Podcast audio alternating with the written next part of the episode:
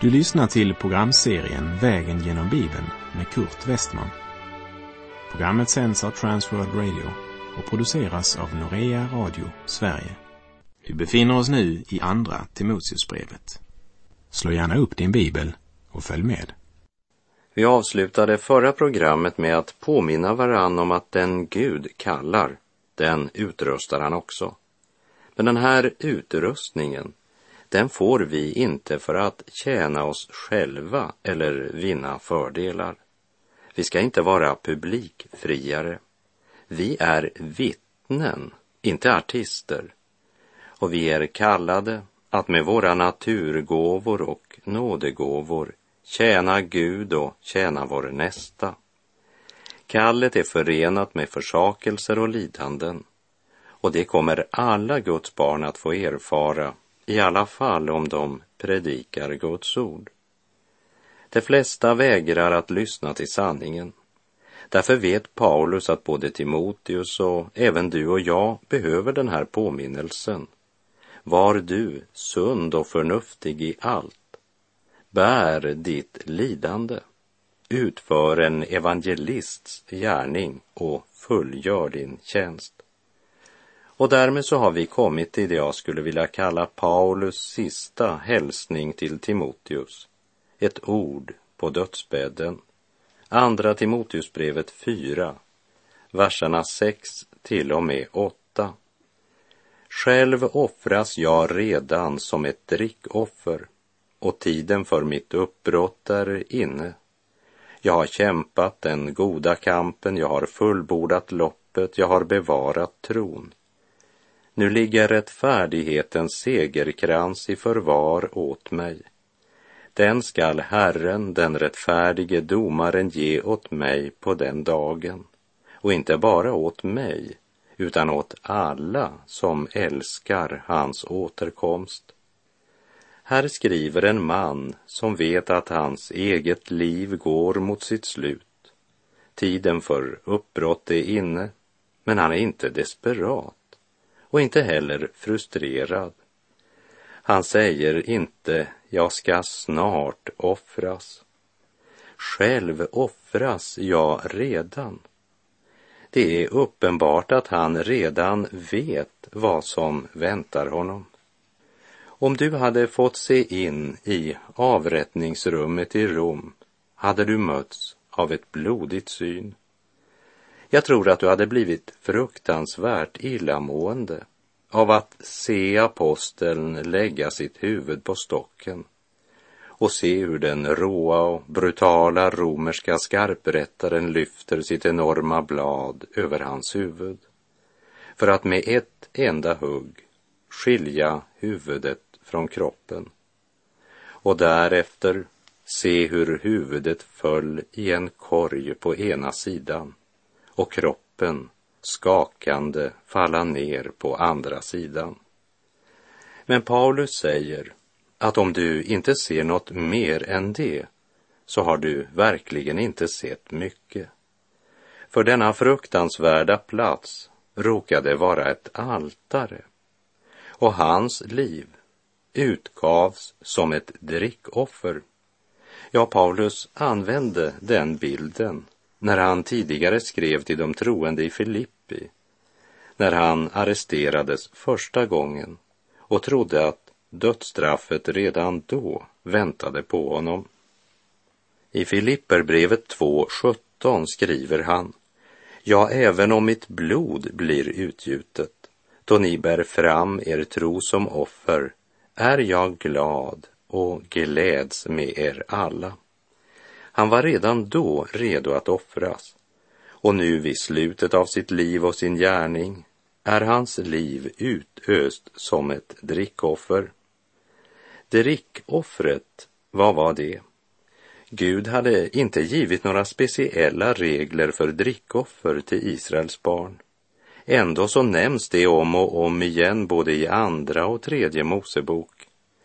Man tog vinet och utöste det över offret som naturligtvis var mycket varmt eftersom det låg på ett kopparaltare med eld under offret.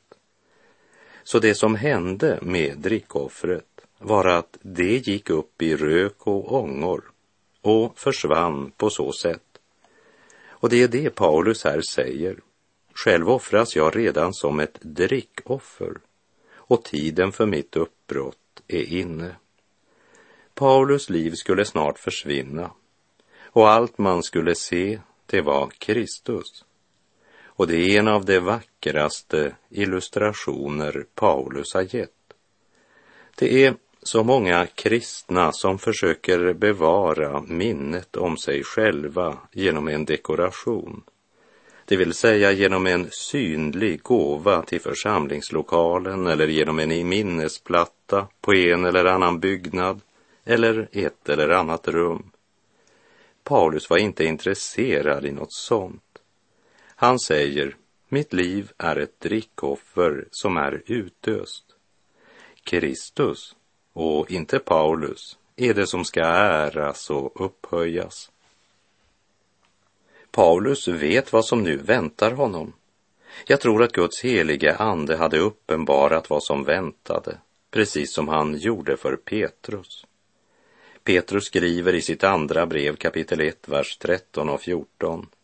Jag ser det som min plikt att väcka er genom mina påminnelser så länge jag bor i detta tält. Jag vet att jag plötsligt ska lägga av mitt tält. Det har vår Herre Jesus Kristus visat mig. Gud leker inte kurragömma med dem som lagt sina liv i Guds hand. Paulus svävade inte i ovisshet om vad som skulle ske och han var redo att offras. Han var villig att offras i Kristi efterföljelse. Det var Kristi kärlek som genom Guds ande flödade i hans liv. En brinnande kärlek både till Kristus och till församlingen som är Kristi brud.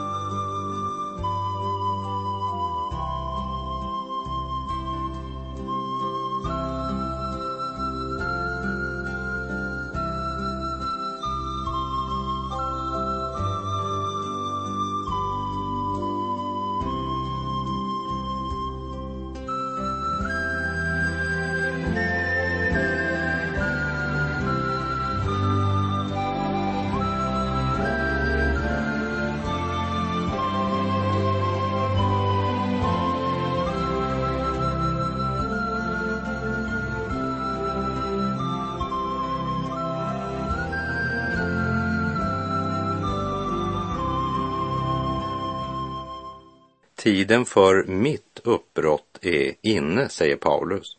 Och han summerar sitt liv på tre olika sätt. För det första, jag har kämpat den goda kampen.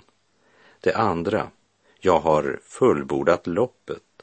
Och för det tredje, jag har bevarat tron. Låt oss se på det första. Jag har kämpat den goda kampen. Den goda kampen handlar om att leva i tron. Det handlar om trons praktiska konsekvens i vardagen. Att vara ordets hörare och ordets görare. Han var en Jesu Kristi soldat. Det hade varit en kamp att utkämpa och en seger att vinna. Och så skulle det vara för alla Guds barn oberoende av vilken församling vi tillhör, så borde vi alla vara frälsningssoldater och ha klart för oss, det är inte vapenvila, men fullt krig. Vi är kallade att proklamera Guds ord och frimodigt försvara dess sanning. Det andra, jag har fullbordat loppet. Livet är inte bara en strid. Det är också ett tävlingslopp. Disciplin är viktigt för den idrottsman som tänker vinna guld. Paulus var inställd att leva det kristna livet på ett sådant sätt att han inte ska komma till korta vid provet. Till de troende i Korint skrev han följande ord i Första Korinterbrevet 9, verserna 26 och 27. Jag löper alltså inte utan att ha målet i sikte. Jag boxas inte likt en som slår i tomma luften. Istället slår jag min kropp och tvingar den till lydnad för att jag inte själv på något sätt ska komma till korta vid provet när jag predikar för andra. Och Hebreerbrevet uppmanar oss i kapitel 12, vers 1-3 när vi alltså har en så stor sky av vittnen omkring oss. Låt oss då lägga bort allt som tynger och särskilt synden som snärjer oss så hårt och löpa uthålligt i det lopp som vi har framför oss. Och låt oss ha blicken fäst vid Jesus, trons upphovsman och fullkomnare, som istället för den glädje som låg framför honom utstod korsets lidande utan att bry sig om skammen och som nu sitter på högra sidan om Guds tron. Tänk på honom som måste uthärda sådan fiendskap från syndare. Annars tröttnar ni och tappar modet. Och vid slutet av sitt liv säger Paulus alltså, jag har fullbordat loppet. Och det tredje, jag har bevarat tron. Tron är alltså något man måste ta vara på. Det handlar om att om och om igen göra bestämda val. Paulus har hållit fast vid Guds ord, inte bara genom sina teologiska försvarstal, men framför allt genom att praktisera Jesu vilja i sitt liv. Dagligen försaka djävulen, synden och världen. För min del vill jag aldrig berömma mig av något annat än vår Herre Jesu Kristi kors genom vilket världen är korsfäst för mig och jag för världen, skrev han till de troende i Galatien. Och han var trogen mot den marsorder Herren hade gett honom. Den är ej beklagansvärd som stupat vid sin stav, blott den som hörde ropet men aldrig gav sig av. Och i Uppenbarelsebokens tredje kapitel säger ängeln till församlingen i Filadelfia, Johannes uppenbarelseboken 3, vers 11. Jag kommer snart. Håll fast det du har, så ingen tar din krona. Och här i det andra brevet till Timoteus ger Paulus följande uppmaning till sin unga medarbetare Andra Timoteusbrevet 3, vers 14 och 15. Men håll fast vid det som du har lärt dig och blivit överbevisad om. Du vet av vilka du har lärt det och du känner från barndomen de heliga skrifterna som kan göra dig vis så att du blir frälst genom tron i Kristus Jesus. Tron är en Guds gåva men det är mottagarens ansvar att inte bedröva Guds helige ande, utan leva i daglig omvändelse och i daglig förnyelse. Låt oss bevara tron. Mitt i Paulus svaghet märker vi den mäktiga profetiska kraft som vilar över dessa tre uttalanden. Jag har kämpat den goda kampen. Jag har fullbordat loppet, jag har bevarat tron. Tiden för mitt uppbrott är inne, säger Paulus. Jag har kämpat den goda kampen, jag har fullbordat loppet, jag har bevarat tron och vid trosvandringens slut väntar rättfärdighetens segerkrans, halleluja. Vi läser andra Timoteusbrevet 4, vers 8. Nu ligger rättfärdighetens segerkrans i förvar åt mig. Den skall Herren, den rättfärdige domaren, ge åt mig på den dagen. Och inte bara åt mig, utan åt alla som älskar hans återkomst. Här går mina tankar till sången till harpors spel med segerpalm i handen. Jag sjunger Guds och Lammets nya sång och alla dem som tillbad Gud i anden ska vara där i evigheten lång.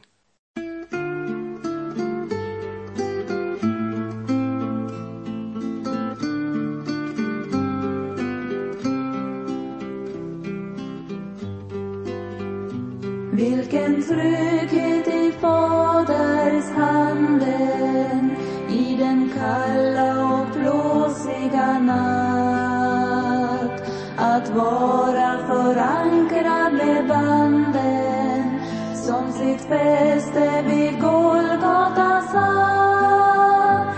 Vilken trygghet att vara omsluten av nådens allsmäktige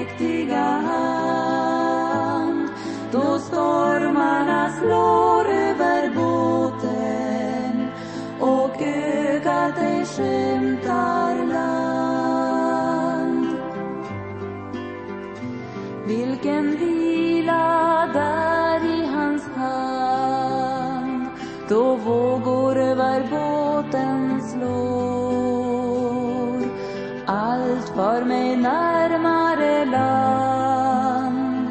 När Jesus vid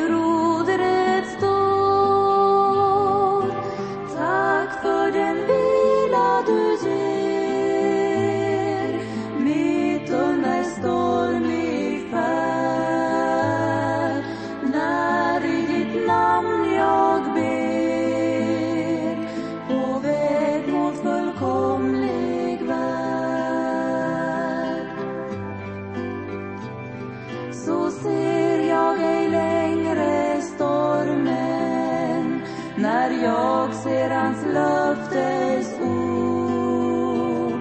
Det har inte slutat blåsa men är ändå lovsång ombord. Jag ser mot den himmelska världen jag kastat mitt ankare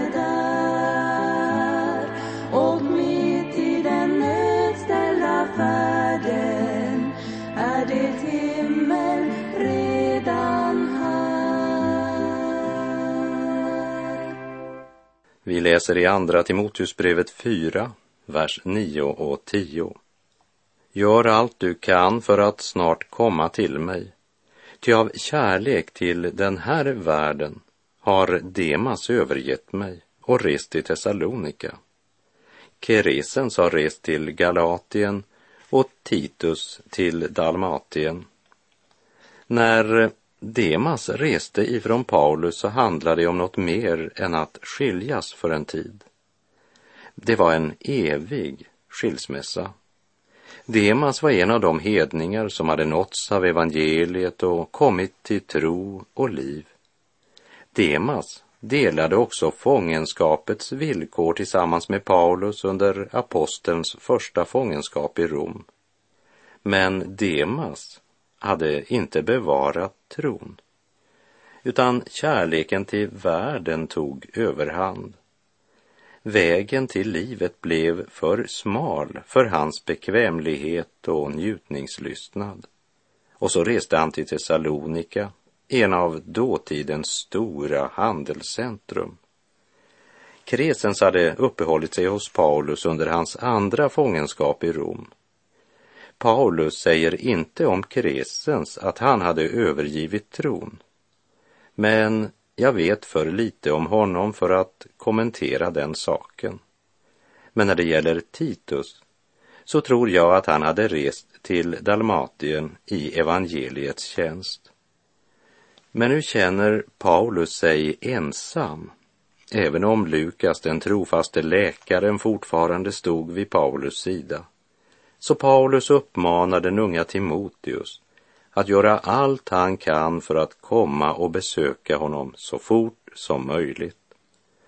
Tykius hade Paulus sänt till Efesus, som vi ser i vers 12. Vi läser andra Timoteusbrevet 4, vers 13 till och med 15. När du kommer, så ta med dig manteln som jag lämnade kvar hos Karpus i Troas och böckerna, framför allt pergamentskrifterna. Kopparsmeden Alexander har gjort mig mycket ont. Herren ska vedergälla honom efter hans gärningar. Du måste också själv vara på din vakt för honom, ty han har häftigt satt sig upp mot vår förkunnelse. Vem denne Alexander, kopparsmeden, är, det vet vi inte med säkerhet. Men här går mina tankar till den Alexander om vilken Paulus skrev i Första Timoteusbrevet 1.20, där han nämner Hymeneus och Alexander, som jag har överlämnat åt Satan för att det ska tuktas så att det inte hädar. Paulus försökte uppenbart att genom församlingstukt rädda denne broder. Men här i Andra Timoteusbrevets fjärde kapitel verkar det hoppet ha slocknat. Och nu återstår endast Herrens vedergällning för denne man. Och Paulus säger att Timoteus ska vara på sin vakt mot denne Alexander. För han är inte bara Paulus motståndare, men evangeliets motståndare. Vi läser andra Timoteusbrevet 4, vers 16 till och med 18. När jag försvarade mig första gången kom ingen till min hjälp, utan alla övergav mig. Måtte inte detta tillräknas dem. Men Herren hjälpte mig och gav mig kraft för att jag skulle fullfölja förkunnelsen och alla folk få höra den. Så blev jag räddad ur lejonets gap. Herren ska också rädda mig från alla onda anslag och frälsa mig till sitt himmelska rike. Honom tillhör äran i evigheternas evigheter. Amen. I vers 13 bad Paulus om sin mantel, det vill säga det gällde ett kroppsligt behov. Så ber han om böckerna, framför allt pergamentskrifterna. Det är hjärnans behov, tanken. Herren hjälpte mig, säger han vidare, och det talar om hans andliga behov. Och andra Timoteusbrevet avslutas med orden från vers 19 till 22. Hälsa till Priska, Aquila och Onesiforus familj. Erastus stannade kvar i Korint, men Trofimus lämnade jag i Miletus eftersom han var sjuk. Skynda dig hit före vintern. Eubulus hälsar till dig liksom Pudens, Linus, Claudia och alla bröderna. Herren vare med din ande. Nåd vare med er. Och med det så är vår tid ute för den här gången så ska vi i nästa program börja vår vandring genom profeten Hesekels bok i det gamla testamentet. Profeten som på ett särskilt sätt var budbäraren om Herrens härlighet och vars budskap är mer och mer aktuellt för var dag som går. Himmel och jord ska brinna, höjder och berg försvinna. Dagen ska komma då människan ej mer på jorden ska frälsning finna. Sök därför Gud medan han låter sig finnas. Kämpa trons goda kamp, fullborda loppet och bevara tron. Herren vare med dig, må hans välsignelse vila över dig. Gud är god. Någon skall gå genom hela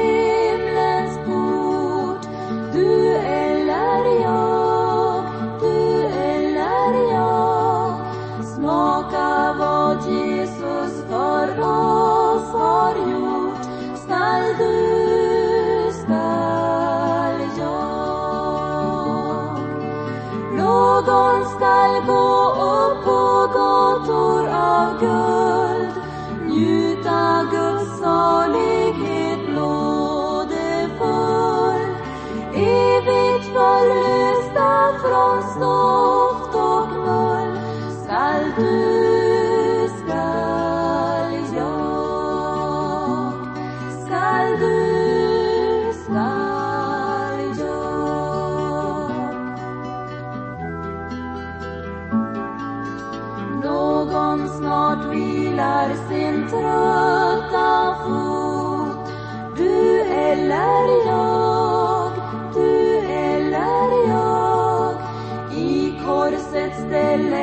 ta kronan mot. Skall du, skall jag.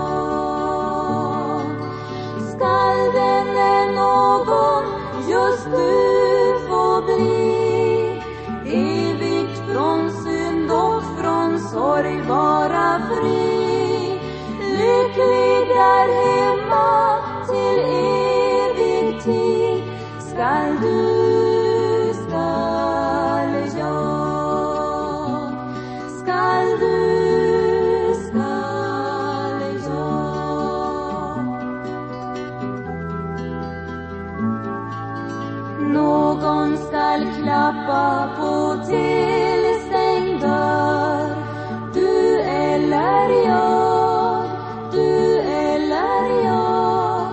Bittert få ångra, de kom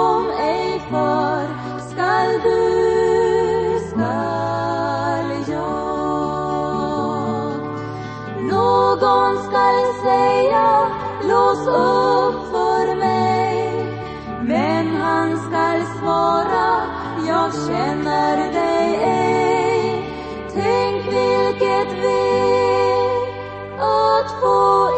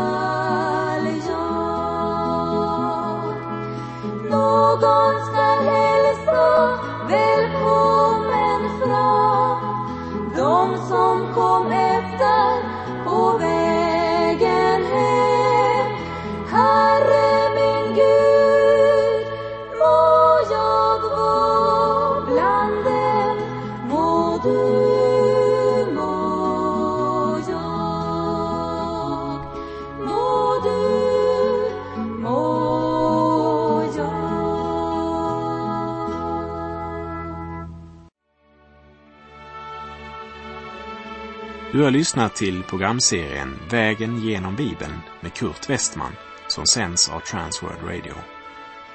Programserien är producerad av Norea Radio Sverige.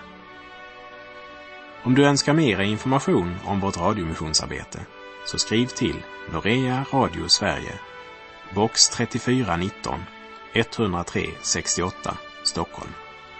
Adressen är alltså Norea Radio Sverige box 3419.